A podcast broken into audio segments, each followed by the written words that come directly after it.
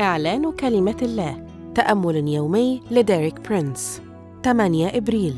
التحرر من اللعنة. هذا الأسبوع يشرح لنا ديريك برينس أن يسوع المسيح مجروح لأجل معاصينا مسحوق لأجل أثامنا.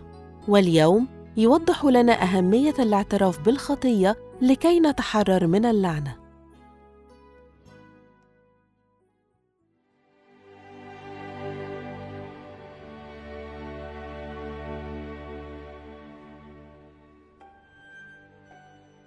هناك شرط أساسي يجب أن تقوم به إذا أردت التحرر من اللعنة في حياتك.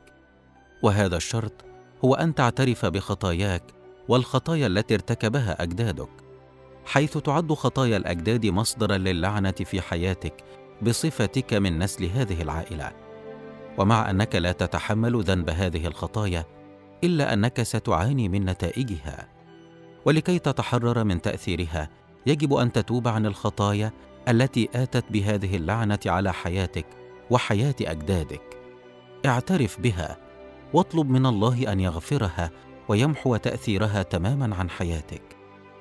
يؤكد سفر الأمثال 28 العدد 13 على أهمية هذا الأمر فيقول من يكتم خطاياه لا ينجح ومن يقر بها ويتركها يرحم. تحذرنا هذه الآية من خطورة أن نخفي خطايانا.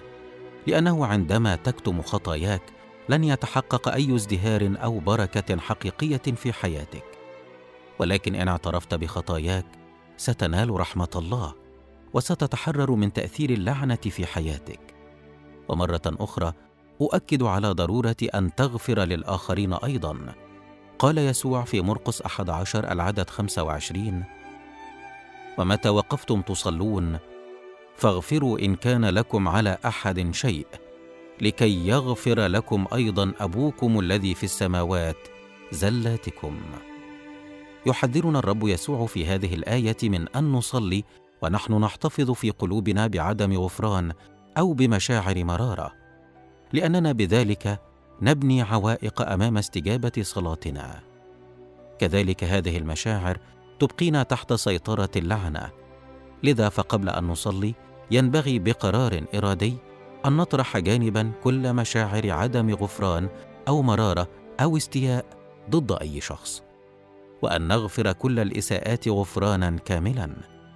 لأنه بنفس المقياس الذي نغفر به إساءات الآخرين يغفر لنا الله. ومن هنا يتضح أن الغفران للآخرين لا يعني أنك شخص خارق روحيا. بل يعني أنك واع بمصلحتك الشخصية.